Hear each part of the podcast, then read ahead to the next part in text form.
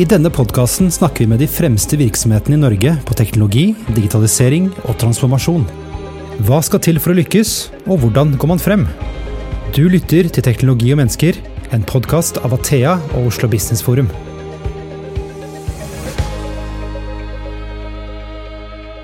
Da er vi tilbake med en ny episode i podkasten Teknologi og mennesker. Mitt navn er fortsatt Christian Brostad. Eh, et tips, hvis du abonnerer på podkasten, så får du nye episoder rett inn i spilleren din, og det er jo smart.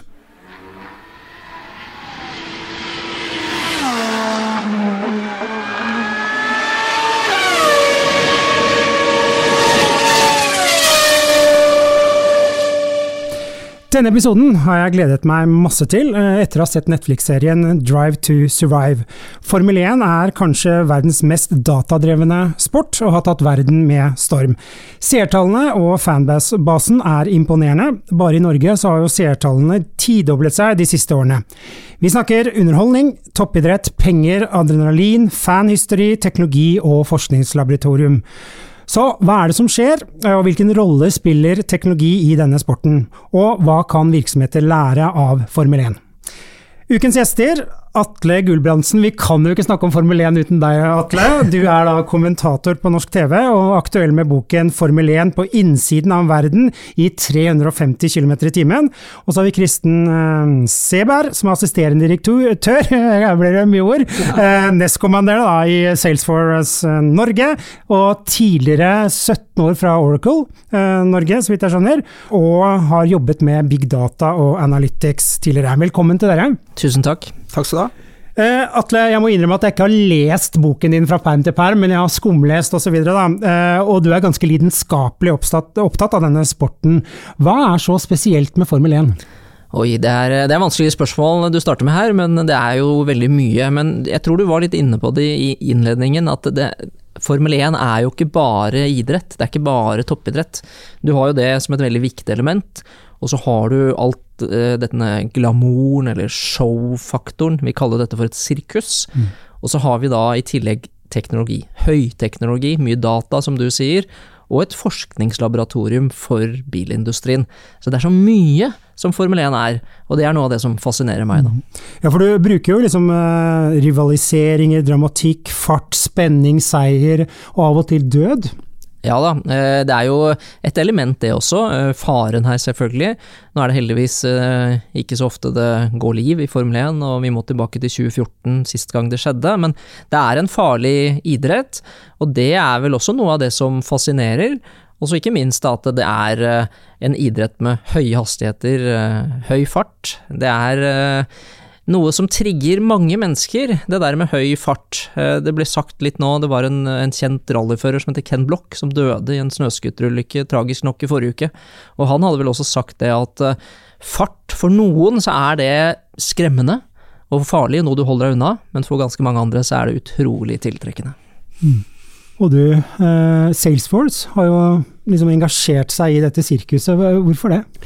Sales, det er jo forretningsmessige grunner til at vi gjør det, selvsagt. Eh, på den ene siden så ønsker vi å assosiere oss med merkebaren eh, Formel 1. Eh, innovasjon er en av fem grunnpilarer i selskapet, grunnverdier. Samtidig så er det, er, har vi etablert et femårs samarbeid med Formel 1, hvor vi skal hjelpe de med tilhengerskaren sin. De har 1,5 milliarder tilhengere globalt. Hvordan kan de utnytte det? Eh, bedre, personalisere, eh, komme med og forbedre merkevaren. Så masse spennende vi skal gjøre sammen med de i årene som kommer. Mm. Er du like forelska i sporten som Atle, eller?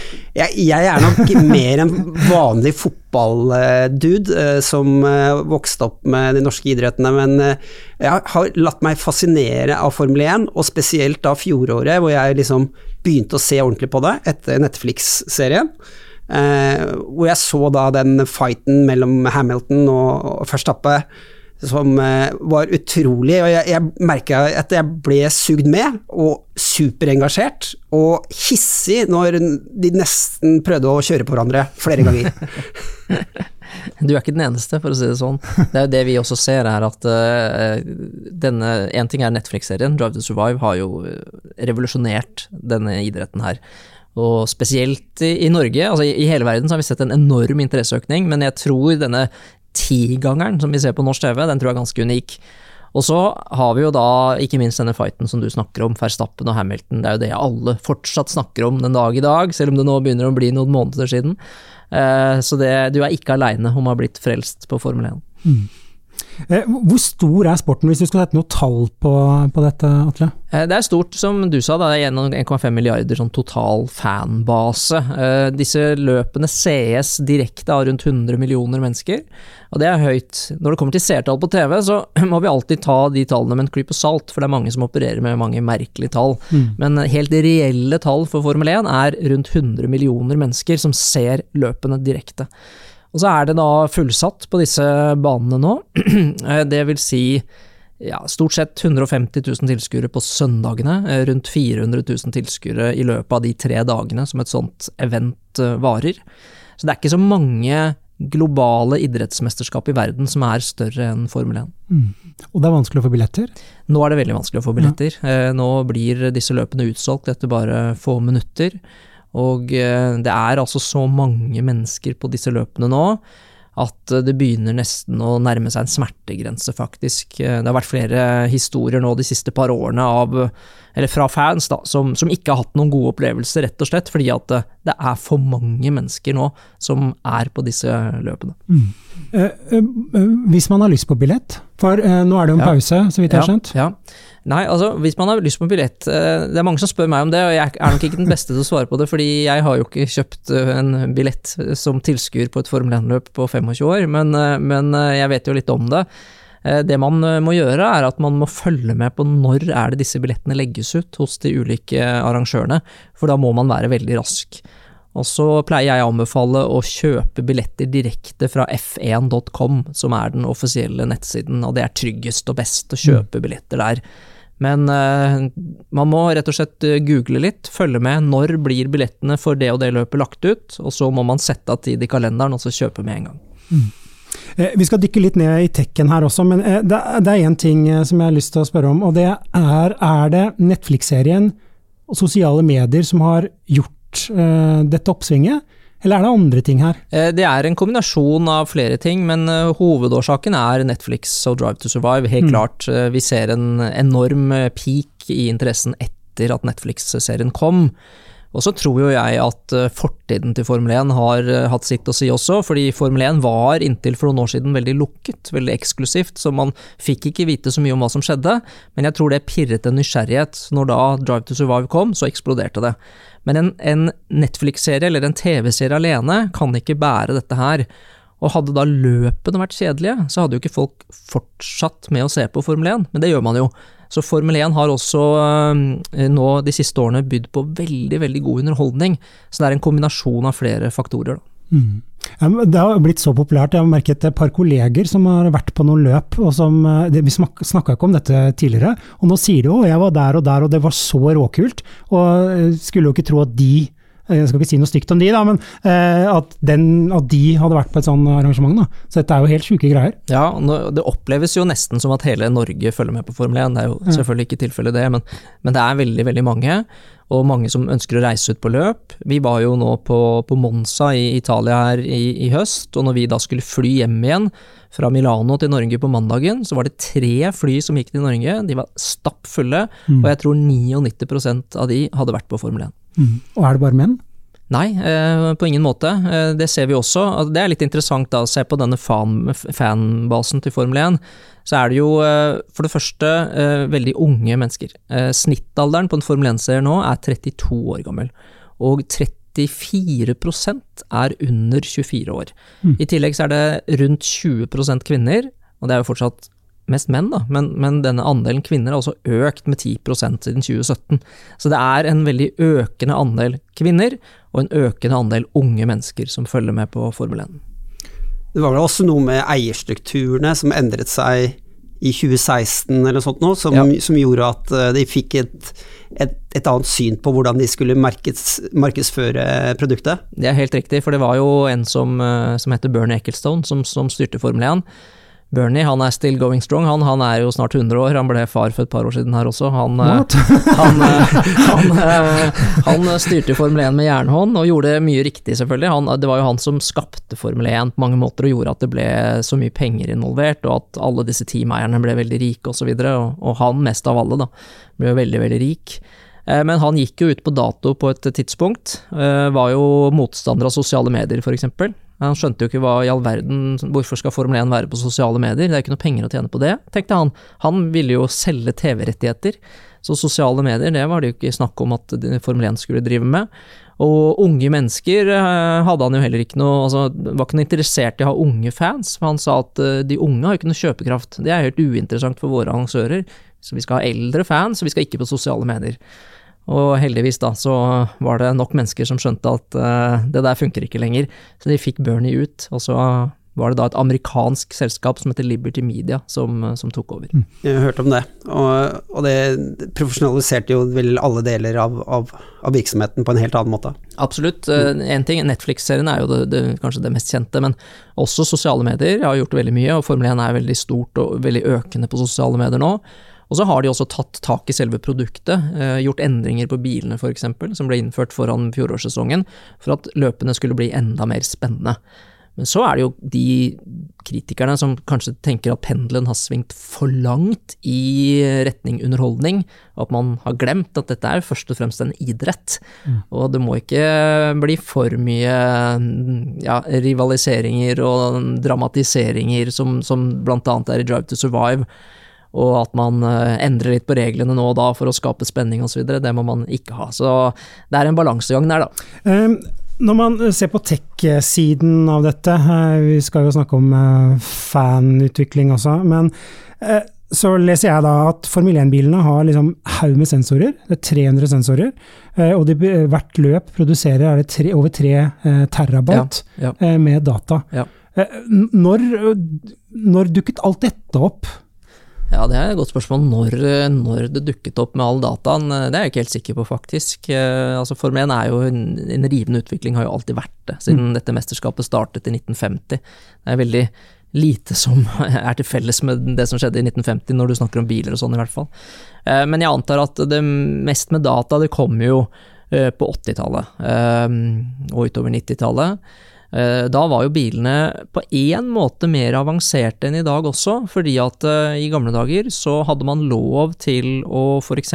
justere Altså, man kunne være i depotet og gjøre justeringer på bilene i løpet.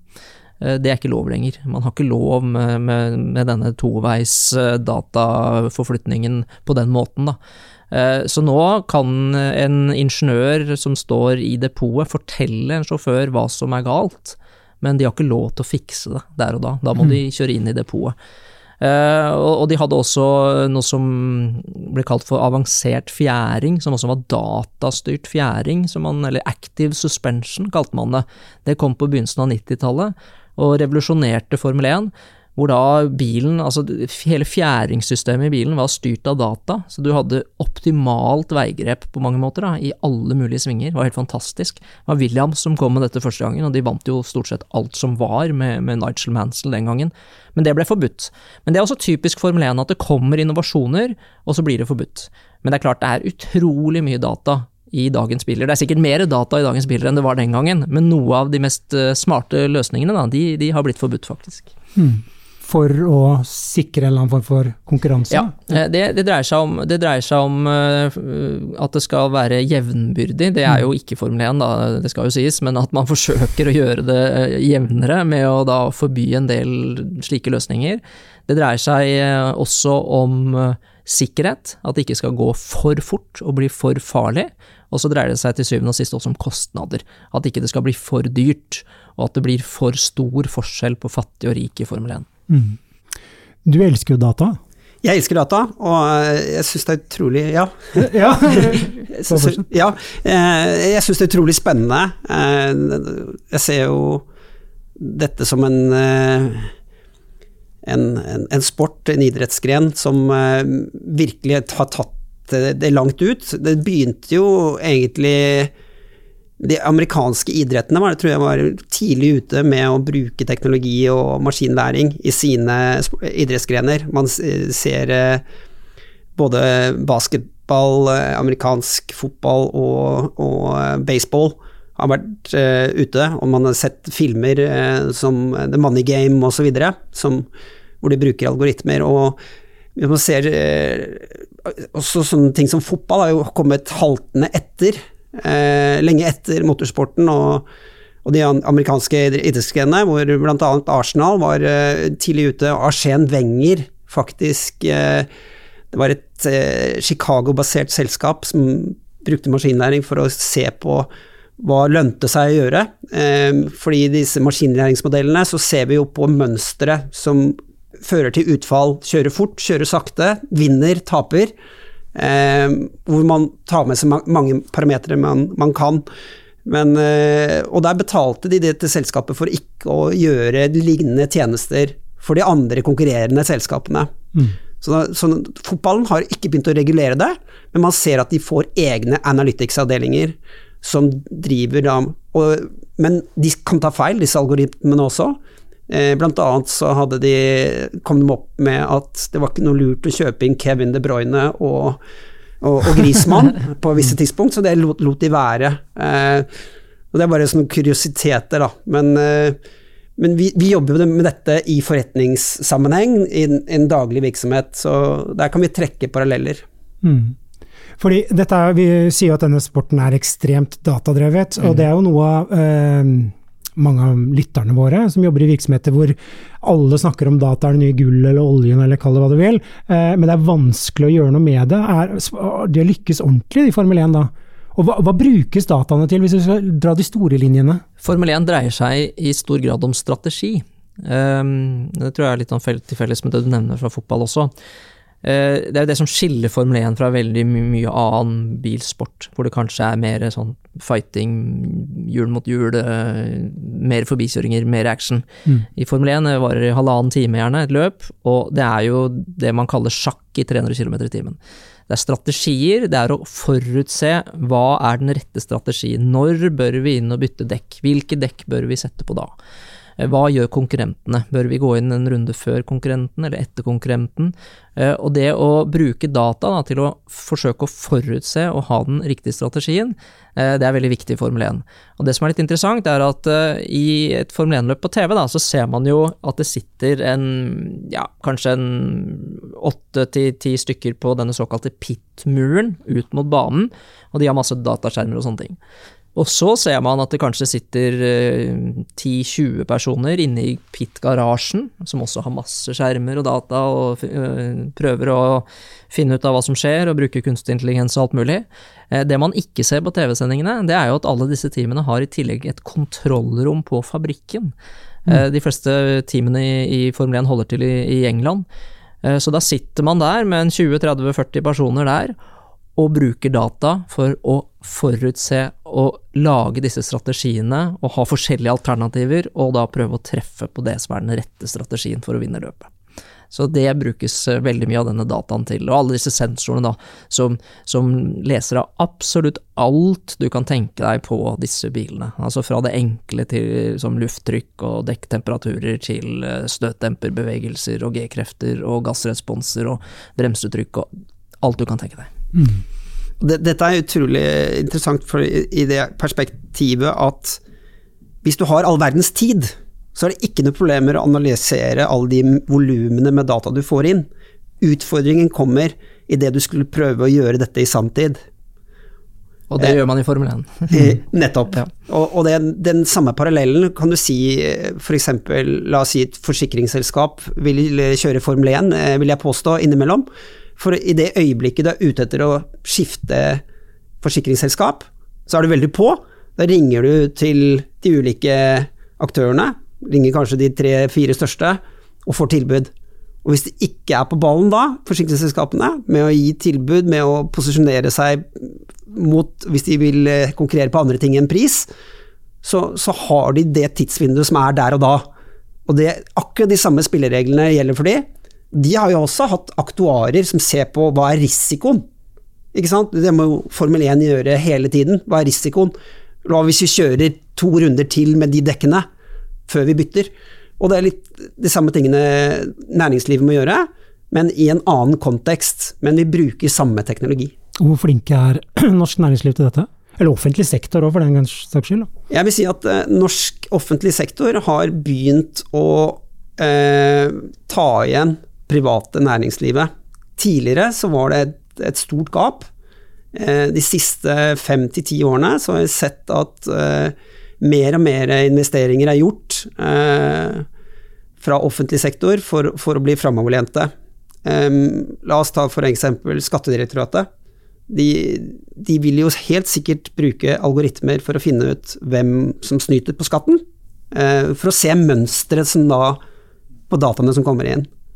Men de, samtidig så kan de ikke bruke de beste algoritmene, de dypeste algoritmene, fordi at de må kunne forklare hvorfor de plukket ut deg som mistenkt. Mye data, mye tech i bilene. Eh, strategi, beslutninger som tas eh, på bakgrunn av data. Er, det, er, talent mindre viktig, Atle, eller er det eh, hva, hva, er det som driver her? For du sier også at noe er jo forbudt å gjøre. Ja, Um, nei, altså talent er jo alltid, alltid viktig. Uh, det er noen som skal uh, styre dette her. Uh, både av ingeniører og, og, ikke minst sjåfører som skal kjøre disse bilene. men dette er jo en, en materialsport i større grad enn veldig mye annet. Så, så, man må ikke glemme det at en, en en, eh, en, god sjåfør vil aldri vinne i en dårlig bil, men en dårlig eh, sjåfør vinner heller ikke i en god bil. Du må ha mm. kombinasjonen. Så talent er fortsatt viktig. Men jeg har lyst til å ta opp en historie som du minnet meg på det når du sa dette med Arsenal, at ikke alltid dataen har rett. Eh, for det er interessant, fordi at det er ikke alltid dataen har rett. Og foran fjorårssesongen i Formel 1 så ble det jo da innført et helt nytt regelverk, eh, som vi var inne på, om at bilene måtte være annerledes fordi det skulle bli litt mer spennende å se på disse løpene. Og da måtte alle starte med helt blanke ark. Og Mercedes, som da har vært det aller beste teamet i Formel 1 i, i mange, mange år, og vunnet hvert eneste konstruktør-VM siden 2014, de var jo da store, store favoritter. Kommer til eh, sesongstart med en bil som ser i prinsippet helt annerledes ut enn alle de andre. Uh, den var veldig, veldig smal. Den, den, hadde nesten ikke såkalte sidepods, som det heter, som et luftinntak på siden. For dette hadde da Mercedes funnet ut, i datasimuleringer og i vindtunnel, de bruker veldig mye vindtunnel, at dette var den smarteste løsningen.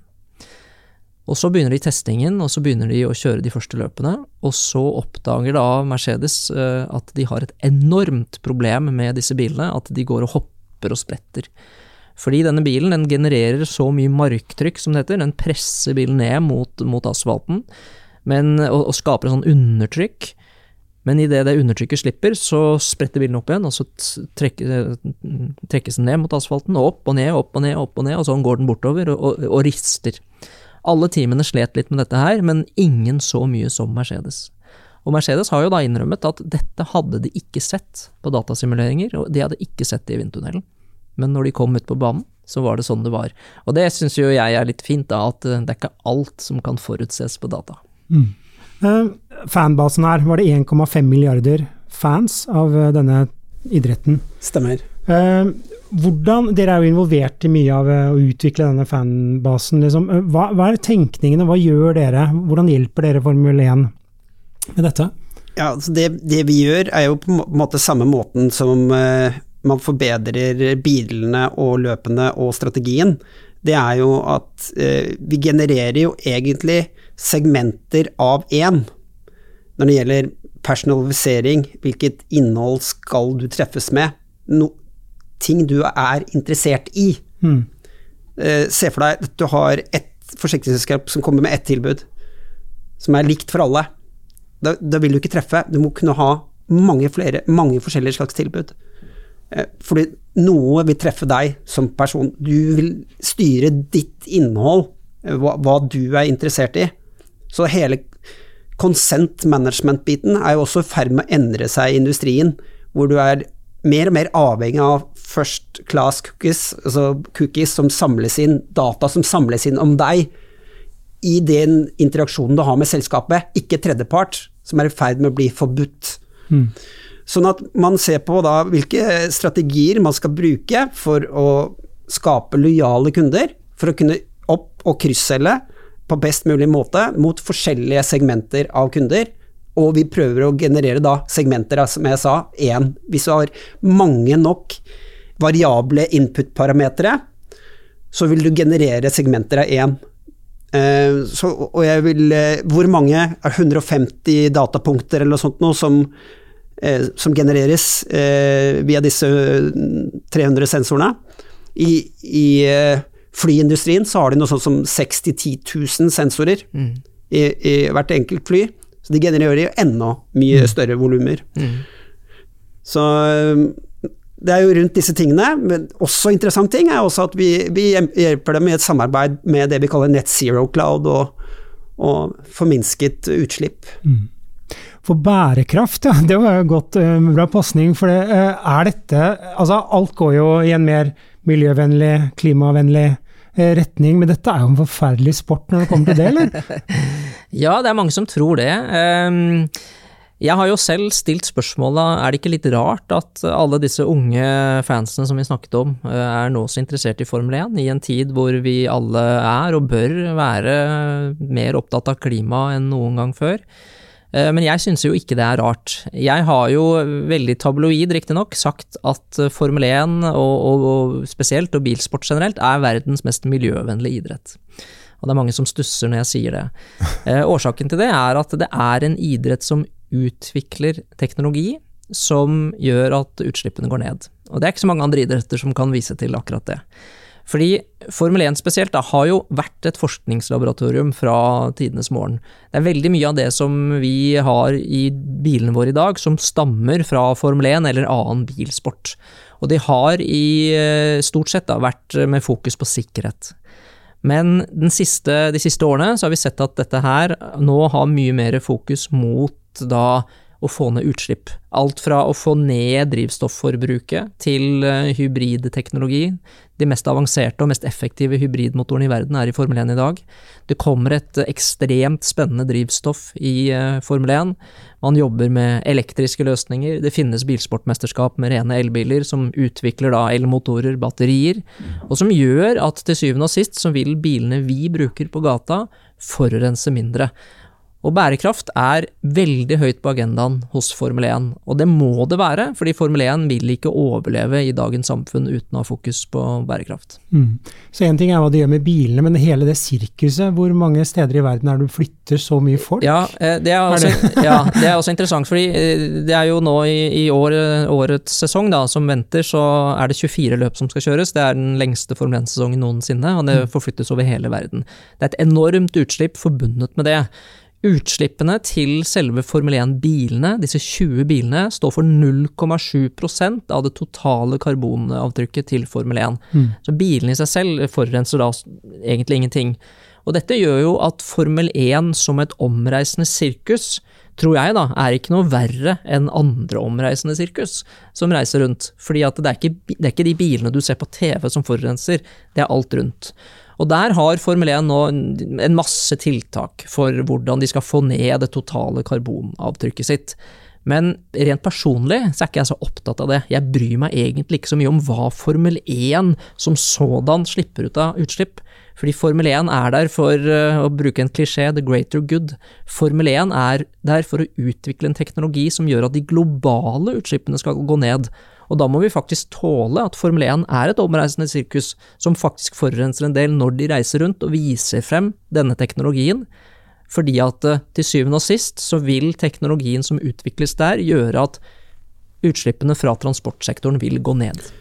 Men det er jo interessant, det er jo en interessant problemstilling, for det er jo lag som ikke har egne motorer engang. Altså Ja. sånn type Red Bull, som, Ja. som satser på andre motorer. Ja. Og er det det da Hvem er det som da driver teknologien? Det, det, er, det er sirkuset i seg selv, altså hele konkurransesituasjonen. Ja, det er konkurransen, fordi man kan, kan jo lure på hvorfor kan, den teknologien som man utvikler da i Formel 1, hvorfor kan man ikke bare utvikle den i et forskningslaboratorium? Og det kan man jo gjerne si, men jeg tror at konkurranse akselererer utvikling. Så når du da får noen av verdens beste ingeniører til å konkurrere mot hverandre om å lage disse bilene og lage disse motorene, så går utviklingen raskere. I tillegg til det så er det ikke bare teknologiutvikling, det er teknologimarkedsføring. Det er et fantastisk utstillingsvindu for morgendagens teknologi. Så Derfor så mener jeg at Formel 1 har sin plass i en moderne verden, og kommer til å ha det i årene fremover. Jeg tror at Formel 1 og bilsport kommer til å være verdensledende på å klima, altså utvikle klimavennlige løsninger for transportsektoren. Mm. Ikke minst bare se på sånne ting som aerodynamikken, ja. som man finner løsninger på gjennom Formel 1. Eh, bare denne vingen som man kan ha oppe hvis man er Nei Ja, ja. Eh, DRS. Ja. det er det ett sekund som ja, er eh, Ja, så, så, kjører du litt fortere. Altså, det, det, er jo, det er jo små, små ting som utgjør store ja, forskjeller. Akkurat, men akkurat når det gjelder vingene i Formel 1, så tenker jeg at det er ikke det som nødvendigvis har mest overføringsverdi til, til en vanlig bil, men, men, aerodynamikk har jo det. Mm. Eh, mindre luftmotstand er ja. kjempeviktig. Eh, lettvektsmaterialer er kjempeviktig. Få ned vekt. Jo mer en bil veier, jo, jo mer eh, avtrykk gir den egentlig. Eh, men ikke minst nå da, så står Formel 1 foran en ekstremt spennende fremtid. Det kommer et nytt drivstoff i Formel 1 i 2026, et karbonnøytralt drivstoff, et såkalt e-fuel. Nå er ikke e-fuel i seg selv noe banebrytende nytt, eh, dette eksisterer den dag i dag, så sånn sett kan man kanskje si at Formel 1 er litt seint ute. Men jeg tror at eh, e-fuel vil få vesentlig mer oppmerksomhet når det kommer inn i Formel 1. Om jeg kan bare bruke noen sekunder på veldig enkelt forsøke å forklare hva det er, da. Eh, nå er det mange som kan dette mye bedre enn meg, men e-fuel det går ut på at du fanger CO2 fra atmosfæren. Og så utvikler man et flytende drivstoff av det karbonet. Det drivstoffet kan da brukes på en Formel 1-bil med en hybrid, en, en elmotor og en forbrenningsmotor. Det drivstoffet kan i prinsippet brukes på alle verdens forbrenningsmotorer. En Toyota pickup i New Delhi kan i prinsippet bruke det drivstoffet. Når man bruker da det drivstoffet, kjører en bil med det drivstoffet, så vil den bilen slippe ut CO2, men det skal, i teorien i hvert fall, da, være CO2 som allerede er fanget fra atmosfæren, så man skal ikke tilføre atmosfæren noe mer CO2. Dette høres jo helt fantastisk ut, og så er det da dessverre utfordringer også knyttet til dette, og det er produksjonen av det drivstoffet. fordi det er utslipp forbundet med produksjonen. Den er eh, avansert eh, og vanskelig. Og det er jo derfor de fleste bilfabrikker i dag mener at uh, den beste løsningen for en privatbil er en ren elbil. Det er den mest miljøvennlige og mest effektive løsningen. Men som Formel 1 sier, det tar lang tid å elektrifisere verdens bilpark. I 2030, da, ifølge Formel 1s egne tall, så vil 92% av alle verdens biler fortsatt gå med en forbrenningsmotor. Så hvis Formel 1 kan være med på å både utvikle, sammen med da sine oljeleverandører, da, som er tungt inne i Formel 1, og ikke minst markedsføre et flytende karbonnøytralt drivstoff, så kan det ha enormt positive konsekvenser for klimautslippene fra, fra, biler over hele verden. Nå skjønner jeg svaret på det spørsmålet du stiller i boken også. Hvordan vil Formel 1 kunne endre fremtiden? Ja. Der har vi det. Der har vi det. Ja. Jeg har et foredrag jeg, som heter uh, 'Hvordan Formel 1 kan redde verden'. Ja. det er jo satt veldig på spissen, jeg innrømmer det, men, men uh, dette er ikke bare sport og idrett og underholdning. Det er faktisk viktig teknologiutvikling også. Mm. Og så viktig da, at f.eks. Audi skal, altså Audi skal slutte å selge og produsere forbrenningsmotorer. Men de skal inn i Formel 1 i 2026, som har forbrenningsmotor. Mm. Hvorfor i all verden skal Audi det? Jo, det er to årsaker til det. Det ene er at Formel 1 er blitt så stort at de gjerne vil være med på det. Men det andre er den teknologiutviklingen som foregår i Formel 1, både med det drivstoffet, men også med disse hybridmotorene og hybridmotoren i Formel 1 i 2026, så skal 50% av effekten komme fra elmotoren. Dvs. Si rundt 500 hestekrefter fra elmotoren og 500 hestekrefter fra forbrenningsmotoren. Og det Audi lærer ved å bygge den elmotoren til den Formel 1-bilen, det er noe de kommer til å bruke når de da skal bygge elmotorer til sine vanlige gatebiler. Blir bilene noen gang eh, Jeg må se på Atle igjen, altså, men eh, blir noen gang bilene 100% elektriske? Eller vil vi oppleve det, eller trenger vi den lukta og den ja. lyden? Tusenkronersspørsmålet, det der. Ja. Ehm, jeg, om jeg skal komme med en spådom, så tror jeg at med den kunnskapen vi sitter på i dag, så tror jeg det blir elbiler i Formel 1. Mm. Eh, Men jeg tror det er en god stund til. Jeg tror ikke det skjer før kanskje i 2038. Og Hvorfor jeg sier 2038 er fordi at det motorreglementet som er nå, det har vært siden 2014, så kommer et nytt motorreglement i 2026.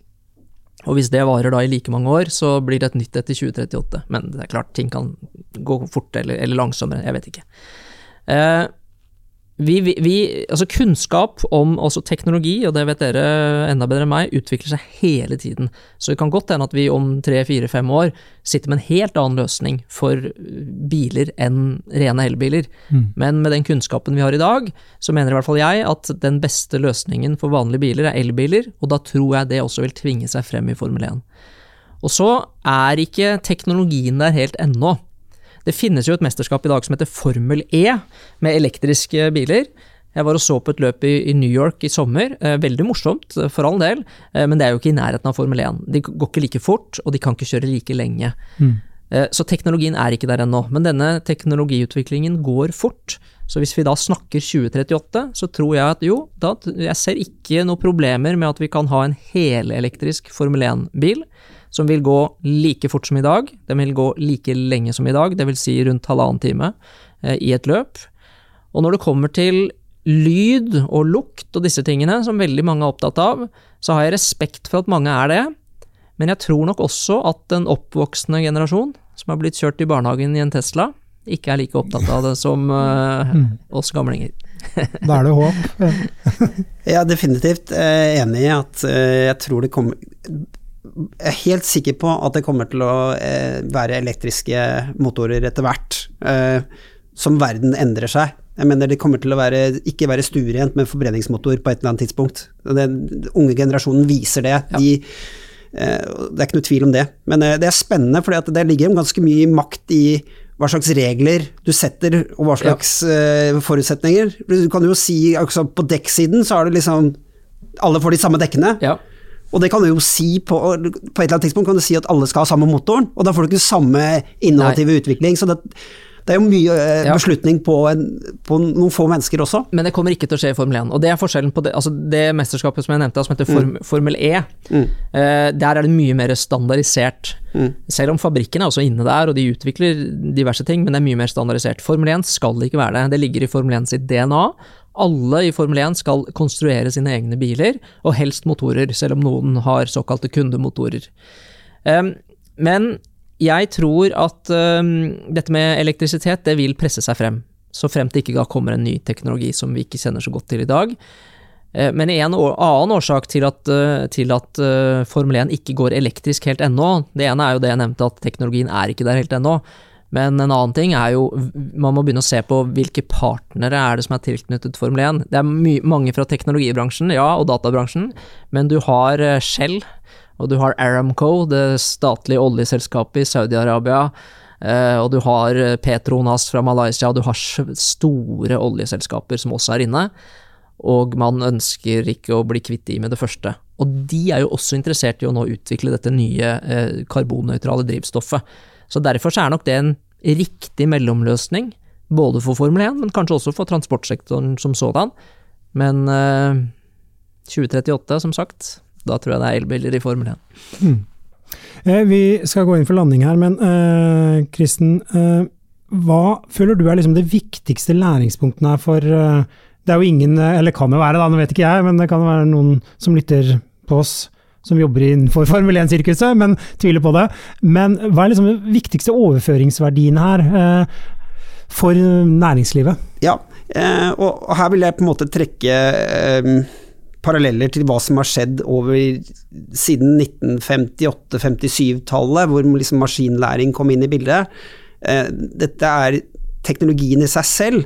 Eh, de har vært brukt over veldig mange år. Men å se at fikk et oppsving sånn for næringslivet, at alt skulle, skulle navngis med AI eller ML, det ble det populært liksom for eh, type ti år siden, var det veldig hot. Eh, men, og hvor langt man trekker det. Hvor langt inn i forretningsprosessene trekker man det. Og det er jo dette som er hele forretningsmodellen f.eks. For til Amazon. Amazon som selskap drev med bøker, men så den, hadde den de beste algoritmene for å foreslå hvilke andre bøker burde du også lese hvis du leser denne boken, og det var grunnlaget for Amazon. Og de tok jo det langt på hele retail-biten, altså selskaper som XXL, Elkjøp, eh, Helly Hansen, Adidas, all, selger til retail-segmentet, vår konsumenter sånn som oss. Mm. Eh, hvordan bruker de teknologi? Eh, en ting er at du kan gjøre analyse på forhånd, som jeg nevnte, men at du da gjør de eh, analysene du kan på forhånd, sånn at du bare trenger å rekalkulere det som skjer i sanntid. Det ser, ser vi skjer. Og det jeg vil også tro er at de lager seg modeller og ser på værprognoser og legger inn de parametrene, men hvis ting endrer seg, så er du nødt til å rekalkulere. Det samme tingene skjer i, i næringslivet. Mm. Sånn at eh, du, du fanger det som skjer der og da, f.eks. i det øyeblikket du skal kjøpe på nettet et produkt, en vare, at basert på den tilbakemeldingen jeg gir, nei, jeg er veldig misfornøyd, ok, kanskje ikke jeg skal prøve å oppselge krysselge til Kristen Seberg, men jeg skal gjøre en lojalitetsaktivitet hvor vi gir meg noe isteden, så jeg blir mer lojal mot selskapet. Sånn at disse tingene skjer hele tiden også for å trekke paralleller ut til eh, næringslivet. Mm. Og du har jo nevnt eh, mange paralleller også, Atle, med motorer, sikkerhet osv. Du er fortsatt beinhard på at eh, det har stor overføringsverdi. Altså, det som skjer i Formel 1-sirkuset, påvirker også hverdagen vår. Ja, mm. absolutt. Og spesielt oss bilister, da, ja. vil jeg jo si. Men ja, ja, og det gjør Formel 1 til en mer relevant idrett enn mye annet, syns jeg. For den har et slags sånn samfunnsoppdrag i tillegg, da. Mm. Nydelig. Da går vi over til vår faste spalte. IT-blemma. Har gjestene gjort noen store digitale tabber? F.eks. trykket på en link de ikke burde trykket på? Har de blitt hacket? Eller har de rett og slett sendt feil emoji til en kollega? IT-blemma. Ok, da skal vi snoke litt i uh, tabbenes uh, verden til gjestene våre. Uh, og dere har blitt utfordret på Eh, nevne den største IT-tabben, eller IT-blemma, da. Jeg vet ikke hvem som har lyst til å begynne. Kristen? Tusen takk, Atle. så, så eh, nei, jeg, har, jeg, jeg, skal komme med to små historier da, eh, der. Det ene var Jeg har jo levd et, et langt liv, men det var et norsk ingeniørselskap som, som skulle lage seg et produksjonssystem. hvor de bl.a. gikk inn i eh, motorrom, eh, store skip osv., eh, hvor de lagde en applikasjon som var fantastisk fremoverlent, hvor du kunne gå tredimensjonalt inn i materien. Men eh, systemene rundt hang ikke med. Klientene, serverne, som trengte prosessorkraften, minnene, eh, grafikkort osv., hang ikke med. Så de hadde verdens mest fremoverlente system, eh, men det tok for lang tid. Hvis du, må vente, akkurat hvis du sitter og ser på en film og må vente fem sekunder for hvert bilde oppdaterer seg, så, så er det ubrukelig. Så de måtte scrappe mange millioner pga. det. Eh, så det var det én måte fra arbeidslivet. Var du med på dette eller? Eh, nei, ikke, ikke, ikke, ikke sånn sett, men, men fra, fra, utsiden, fra utsiden.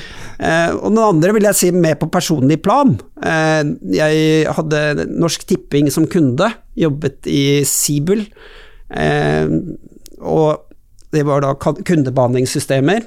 Norsk Tipping kjenner vi jo godt. Mm. Og jeg skulle møte den feltserviceorganisasjonen som reparerte spillmaskiner. Altså Kronesmaskinen som du hadde på Sten og Strøm, og alle disse spillmaskinene som var på bensinstasjoner og kafeteriaer, kroer og sånt noe. Mm.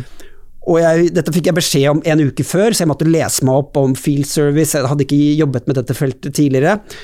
Og det, jeg, jeg hadde, kom der med masse kunnskap, eh, men det første jeg gjorde var å si at eh, dette her har jeg egentlig ikke peiling på.